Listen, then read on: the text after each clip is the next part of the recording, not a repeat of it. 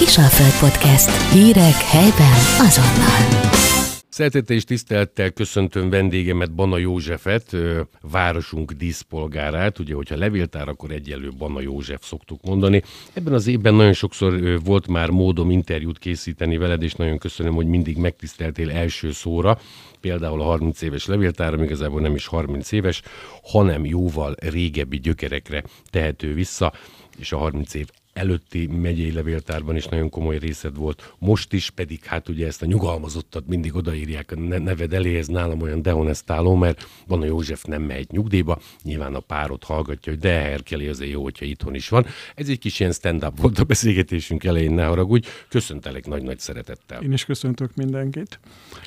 Városunk történetének egyik nagy tudora vagy, ennek nagyon örülök. Így, hogy benne vagyunk az adventben lassan a kis Jézus, nem lassan várjuk, hanem nagyon várjuk a kis Jézus megszületését. Milyen olyan történelmi dolgaink vannak, amik vannak, és tudom, hogyha mondjuk nem 1271-ig visszamenve, mert ugye ott azt se tudtuk éppen, hogy melyik hónap, melyik nap kaptuk meg ugye a királyi városi rangot, de akár Mária Terézig visszamenve, mi volt, illetve mi jellemző Győrre, ami esetleg egy kicsit más, akár mint megyeszékhely, mint régió, karácsonyvárást, adventet illetően. Hát szerintem ez mindig változott, tehát hogyha azt veszük, hogy a napjainkban a adventet hogyan ünnepeljünk, és hogyha visszamegyünk az időbe, ez nagyon más volt. Tehát gyakorlatilag óriási változásokon esett ez az ünnep is keresztül, vagy van a városon, néha szoktuk említeni, de mindenki összekeveri, hogy a mi védőszentünk ugye az vértanú Szent István, és az ő mártíromság, ő az első protomártír, akit gyakorlatilag az első században megköveznek. Nem csak a miénké, de pápának is ő volt a védő védőszentje, és az az érdekesség, hogy mi úgy ábrázoljuk, hogy egyik kezébe olajág van, ami a megbocsátás jel, hogy Hüszein megkövezték, a másikban meg hát ugye a kövek vannak.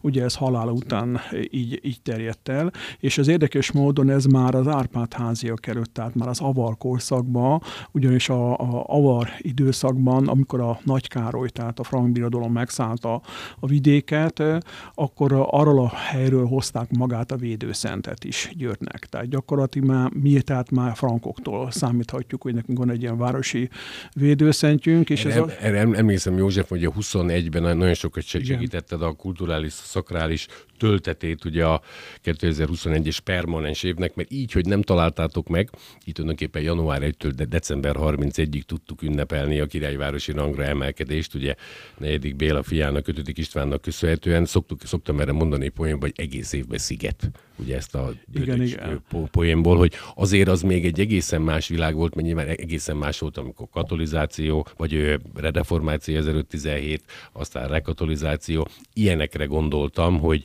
elindulva tényleg innen, mert én azt mondom, hogy az advent mindenkinek a legszebb ünnep. Egyház szempontjából ugye a második, mert a feltámadás ugye az hierarchia szempontjából nagyobb, de ilyenkor a kevésbé klerikálisan gondolkozóknak is nem csak az ajándékról szól, egy kicsit megnyugszunk, otthon vagyunk, karácsony, nem melózunk annyit, így volt ez régebben is? Sőt, azt mondom, hogy fokozottabban régebben még úgy volt, hiszen abban az időszakban hát az még nem volt központi fűtés, a szegényebb jobbágyok is hát ültek a saját nem összkomfortos lakásukba, és hát ott kellett tevékenykedniük, tehát még nagyobb volt ilyen módon a bezártságnak az érzése is, tehát sokszor azt hiszük, hogy mindaz a tevékenység, amit naponta folytatnak az emberek, hogyha megyünk vissza az időbe, akkor is ugyanezzel a lázas, őrült munkatempóba zajlott, és nem, nem így volt. Tehát, hogyha hogyha összevetjük azt, hogy mi volt a papi tized, meg a földesúri kilenced be kellett szolgáltatni, az adó szempontjából sokkal csekélyebb, mint amit ma az embereken bevasalnak, tehát ez egy más mentalitás. Most visszatérő egy gondolatot a, a Vértanos Szent Istvánról, hogy ezt mindig karácsonykor szokták megünnepelni, tehát a pápa szinte a Vértanos Szent Istvánról a megemlékezés az egyben egyik legfontossága volt az egyházfőnek, hogy akkor ezt a karácsonyt megemlíti, és hát tudjuk, hogy a, a negyedik, ötödik századig az advent az uralta a terepet, és utána erősödött meg a karácsonynak a elsőbsége, tehát ezen belül is voltak változások is, és hát gyakorlatilag azt meg kell mondanom azt, hogy ezeknek az ünnepeknek a jelentősége, hogyha hogy mondjuk, hogy karácsony mindig ugye Jézus születésével azonosítjuk, noha nem tudjuk, hogy mikor született. Tehát különböző időpontok vannak mind a mai. Ja, 33 évesnek találjuk, ugye szoktuk Igen. mondani, hogy a Krisztusi kor, amit a megélünk, akkor onnantól már megcselekedtük, amit megkövetelt a haza. Valószínűleg ez ugye időszámításunk, tehát a nulla érhető. Istvánra egy picit visszatérve, kedves József, ő neki csupán az volt a hibája, hogy a diakónusként terjesztette a hírt, illetve nyilván ugye az igét Isten vagy Jézus tanításait, neki ez volt a hibája, vagy azért renitens volt amúgy is?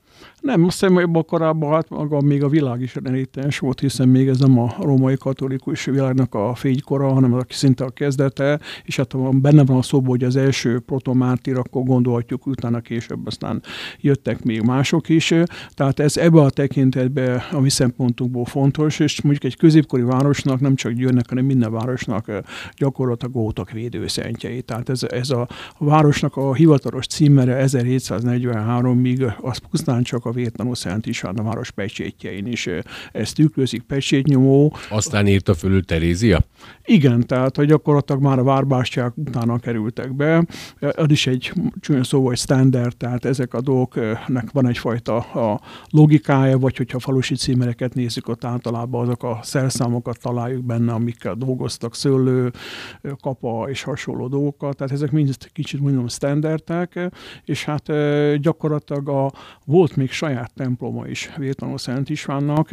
Ez a későbbi megyeháza, az a Liszrenc 13, ahol most adóhivatal és a, és a megyei levéltár működik, tehát ez, ez a Vétanó Szent Istvánról elnevezett plébánia templom volt, amit a 18. században a reformkorban alakítottak át megyeházává, és akkor veszítette el ezt a templomi jelentőséget, és mondtad a vallásoknak a fontosságát, és kevésbé gondolunk bele, de a török időszakban, amikor Hardek volt a főkapitány, Ferdinánd. Ferdinánd, ő evangélikus volt. Ezért ezt a templomot akkor evangélikus templommá alakította át, és utána természetesen visszaalakult, amikor hát Hardeket. És 1594, ugye 1517 Wittenbergi tanok, reformáció, de akkor már kemény ellenreformáció, a rekatolizáció, ki így, ki úgy hívja, volt, nem? 1594 tájékán, mert az köthető Hardekhoz. Persze, persze, de gyakorlatilag azt kell hogy ugyanolyan mindentől függetlenül egy kiváló képzett katonaember volt, csak hát a Mátyás őrce ugye nem küldte a, a fölmentősereget, ezért aztán amikor a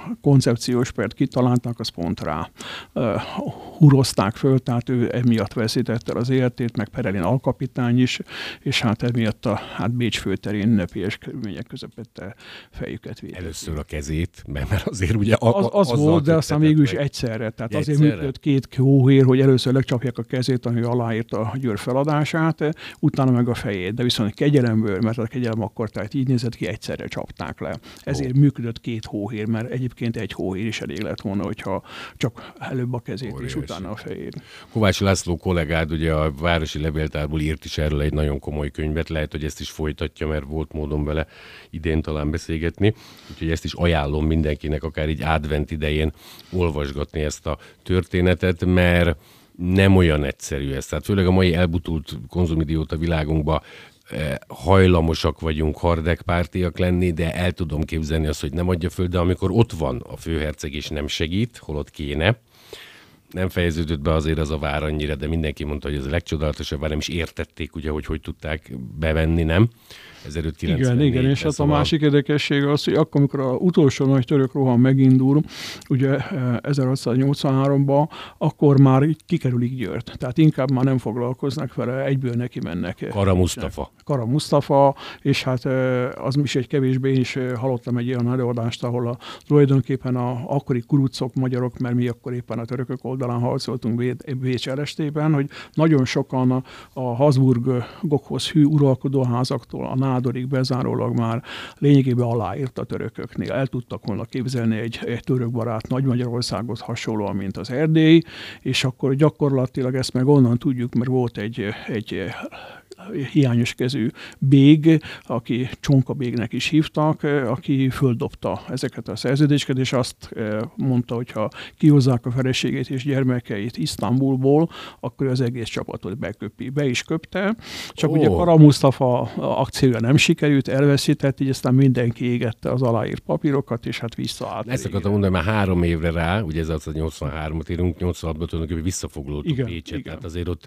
ott így revideálták a gondolatokat hamar, nem? Igen, igen. Én azt mondom, hogy a magyar alkalmazásnak mindig volt egy vésfüggő változat, és ugyanak a nemesi csapatnak volt egy Erdély barát köre. Tehát mikor ki éppen hatalmon van, kisegíti a másikat. Tehát ez, ez a mi történelmi hagyományunk, hogy úgy mondjam. Imádok veled beszélgetni, József, mert ugye magasan kvalifikált vagy, és tényleg bármihez hozzá lehet szólni, illetve megkérdezni a véleményedet. Csapongunk is egy picit, de ez nekem köszönhető, mert elindulunk ki ugye Istvánról, aki utolsó mondat nem Szent István, nem az állapalapítónk, hanem a mi, illetve ezek szerint még pápa védőszentje, ugye a diakónus, akit megköveztek 30 körül valamikor, bocsáss meg. Nem igen, így van, hogy első század, tehát ez első, biztos, igen, első, első ez biztos század. első század, és hát gyakorlatilag a, majdnem azt mondom, amiket mondunk, akár advent, akár karácsony, hogy ezek a mind a harmadik, negyedik, ötödik században konzerválódtak. Tehát gyakorlatilag az, hogy később ugye a Jézus mikor születik, azt kimondta egy zsinat. És akkor azt mondja, akkor 25-én született, és az is biztos volt az, hogy volt egy római császár, aki korábban ezt már ünnepétette, de nem egy Jézus születése kapcsán. Tiberius, vagy nem ő? Mármint, nem ő, hanem... Mert nála halt ugye meg. Igen, hanem, hanem gyakorlatilag akkor az volt, hogy a, a napkultusz. Tehát ez egy görög ünnepé volt, és gyakorlatilag, hogy ezt ugye elhomályosítjuk már keresztény körökben, már ekkor is Jézus születése. Ez nem a mitrász, ez egy másik. Mitrásszal függ össze. Ja, bocsánat, persze, akkor, az, akkor jó. Igen, tehát ez egy, egy császár által deklarált kötelező ünnep, ugye több Isten hitnek a kapcsán. És nyilván, amikor a Jézus kezdték ünnepelni, akkor ezt úgy kicsukta. De hogyha belegondolunk, a mi történelmünk is, akár mondjuk a, a, a, a szocialista alkotmány véletlenül Szent István napján. Hozd ide, légy szíves mindenképp a komcsikat, nem? Ők szocialisták. Ők is, de még itt is betartozik, hogy mi használjuk ezt a, a, hát az advent kapján a ezüsvasárnap, vagy az aranyvasárnapnak a fogalmát, a másik, harmadikét, ez is a kommunizmusnak a változtatása, vagy emlékszük, hogy ők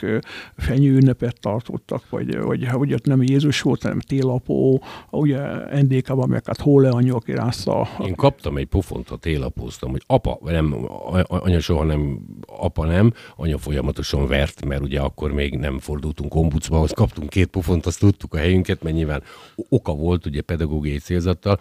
Nincs télapó. Mikulás van, de mindenki télapót mond az osztályfőnök, ugye én a frigider kommunizmus végén azért ugye éltem, ez is úgy érdekes volt, hogy az Miklós, mindig elmagyarázták, de a télapó, mert az úgy jobb volt, nem? Igen, igen. Tehát ez, ez, szerintem ez egy úgy hasonló több évszázados hagyománya van ennek, hogy mikor, milyen ünnepet hogy tudunk átalakítani. Így lett a, hát a Szent István napjába és az alkotmány napja. Tehát. Ha visszamegyünk a leges legelejétől, de már beszélünk negyed órája, és nagyon sok mindent érintettünk. Ugye mondtad, hogy az egyszerű ember tényleg, aki, aki hát reggeltől estig dolgozott, meg itt a pálinkáját köveztett szalonnal, kiment az állatokhoz, illetve a földekre.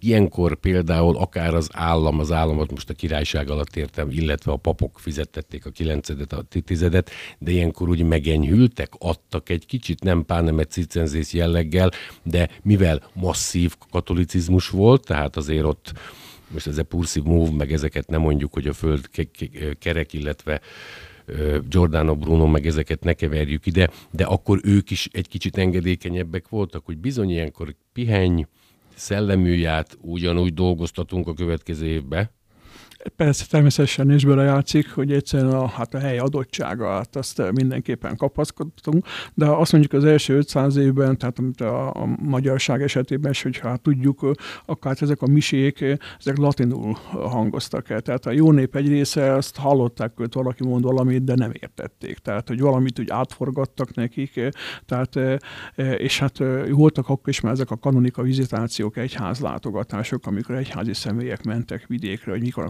plébániákon, és hát rengeteg csúnya szóval terhes apáncával találkoztak, hírült plébániákat, tehát ez a kaotikus... Ma ez bulvár hír, akkor, akkor ez hogy lehetett laudálni? Nem? Hát igen, vagy, ha, vagy kevésbé gondolkodunk, de például az uralkodóknak is voltak zavi gyerekeik minden, és azokból előbb-utóbb egyházi méltóságokat csináltak, tehát és szintén nem tudott se írni, se olvasni, de ez, ebben az időszakban ez nem volt probléma, hogy furcsa, amit mondok, például a vatikáni államban is a különböző magas beosztásokat, tehát ki legyen a pápai titkár, meg egyébeket, ezeket szinte ilyen nem a pályázati úton, de aki a legtöbbet adott érte, azt kapta meg, és semmiféle valódi jogi izét nem támasztottak vele szemben. Tehát létezett egy ilyesmi, vagy például a pápa esetében is, aki pecsételte az okleveleket, a pápai hullákat, az volt a barbár atya, aki szintén nem tudott olvasni, tehát nem tudta elárulni, mi van benne, mert maga se tudott olvasni. De lepecsételte. Lepecsételte, vagy valami szokás, hogyha meghalt például a pápa, akkor csak az egyik oldalával lehetett pecsételni a pecsétnek, mert hiszen meg kellett várni, amíg új pápa van, de addig is ugye a bürokráciának folynia kellett folyni. Óriási, kérem szépen, óriási. Mondhatjuk akkor ezt nyugodtan, hogy az, hogy az emberek jobban a klerikális miért, mi, miért, tehát tudjuk, nekem nagypapám presbiter volt, öt gyereket felnevelt, tehát tényleg maxima meákulpa, vagy le a kalappa, hogyha bármit csúnyát mondanék róla, akkor ugye elnézést kérek ezért. Hiszem, mert hihetetlen.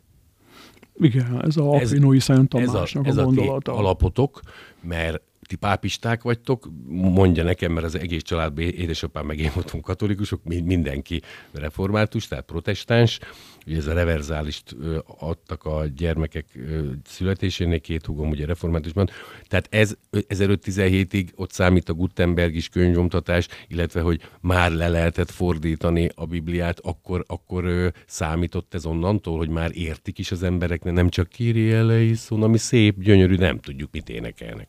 Igen, ez, tehát ez mindenképp, ez nem csak ugye Magyarország, hanem egész Európa népére, ez egy nagyon fontos momentum, de hát majdnem azt mondom, hogy a nemesek jó része sem tudott írásbeli, vagy mit tudom, egy, amire azt gondolna, hogy van egy bíró, aki mondjuk bűnperben ítéletet hoz, hogy annak feltétlenül írni és olvasni kell tudni, de nem kellett, hanem ő tartotta a, a, a, a nyakán egy gyakorlatilag címert, ami az uralkodó pecsétje volt, és ő szóban elmondta az ítéletet, és azt fejlebbezés nélkül azonnal végrehajtották, és általában, hogyha vagyonelkobzás is volt, abból bizonyos százalékban maga a bíró is részesedett. Tehát ez egy érdekes volt, és ezért például nem alakult ki a középkorban egy komolyan közjegyzői hálózat sem, hanem az egyház végezett ilyen birtokba iktatást, tehát ez azt jelentette, hogy ha valakinek ilyen furcsa ítéletet, hogy tüzes vas próbát kellett kiállnia, akkor a, a tüzes vast utána pecsétet, tehát hogy behengerelték az illetőnök a kezét, és pecsétet nyomtak, azt az egyház végezte. Ugyanúgy a Micsoda birtokba, hatalom ez, nem József? Igen, birtokba iktatás, és gyakorlatilag a, ez már annyira a,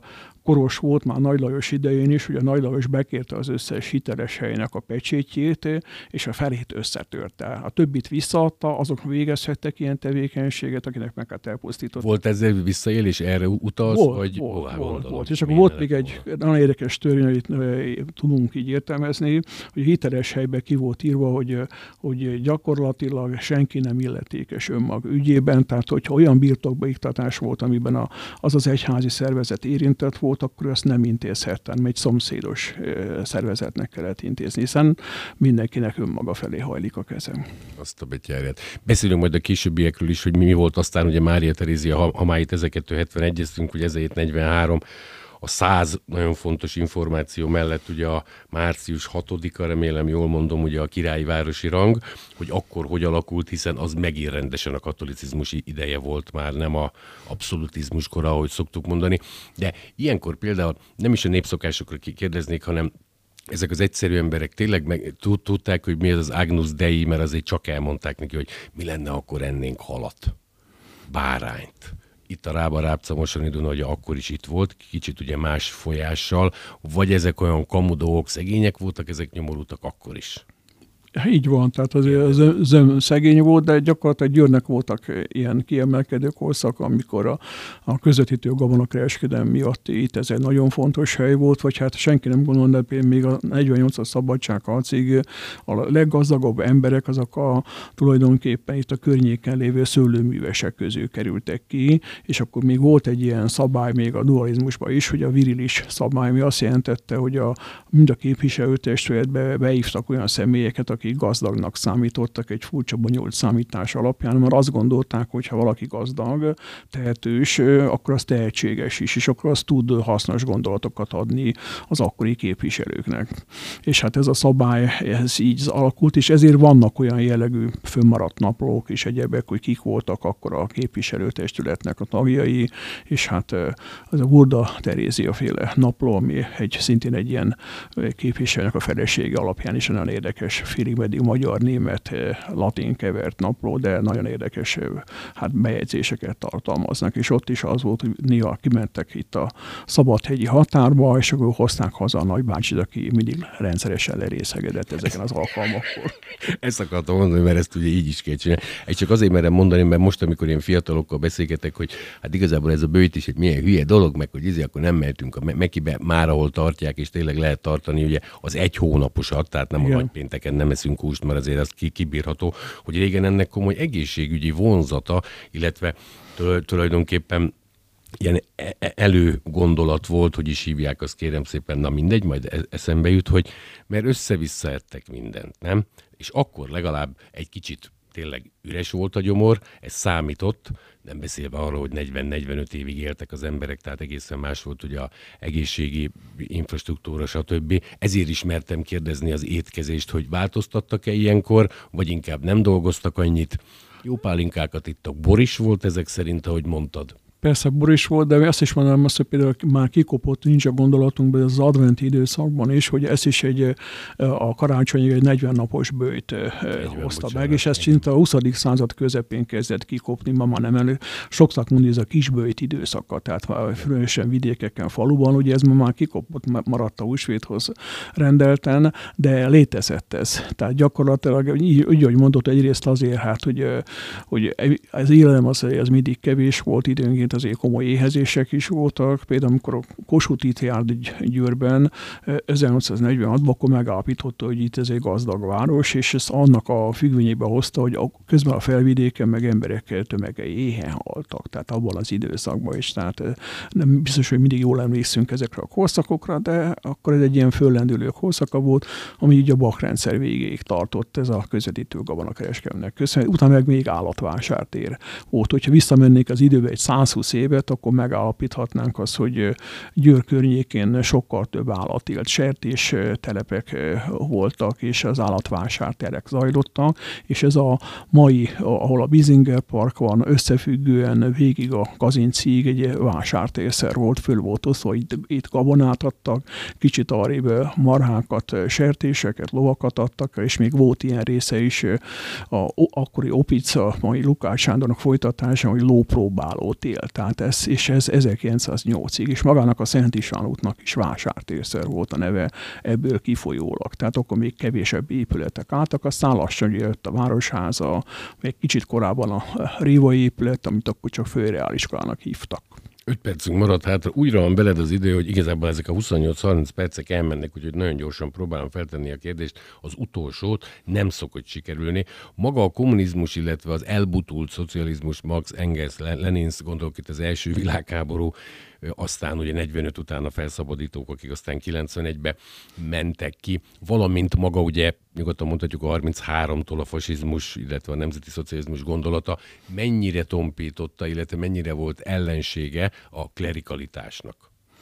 Én azt mondom, hogy, hogy persze a kommunizmus az egyértelműen, tehát ott, ott az, tehát még a, még a miseborokat is elkobozták, és például Győr esetében 19-ben az elkobzott miseborokat a patikákban helyezték el, és ott az volt, hogy csak gyógyíthatatlan halálos betegeknek lehet abból kapni.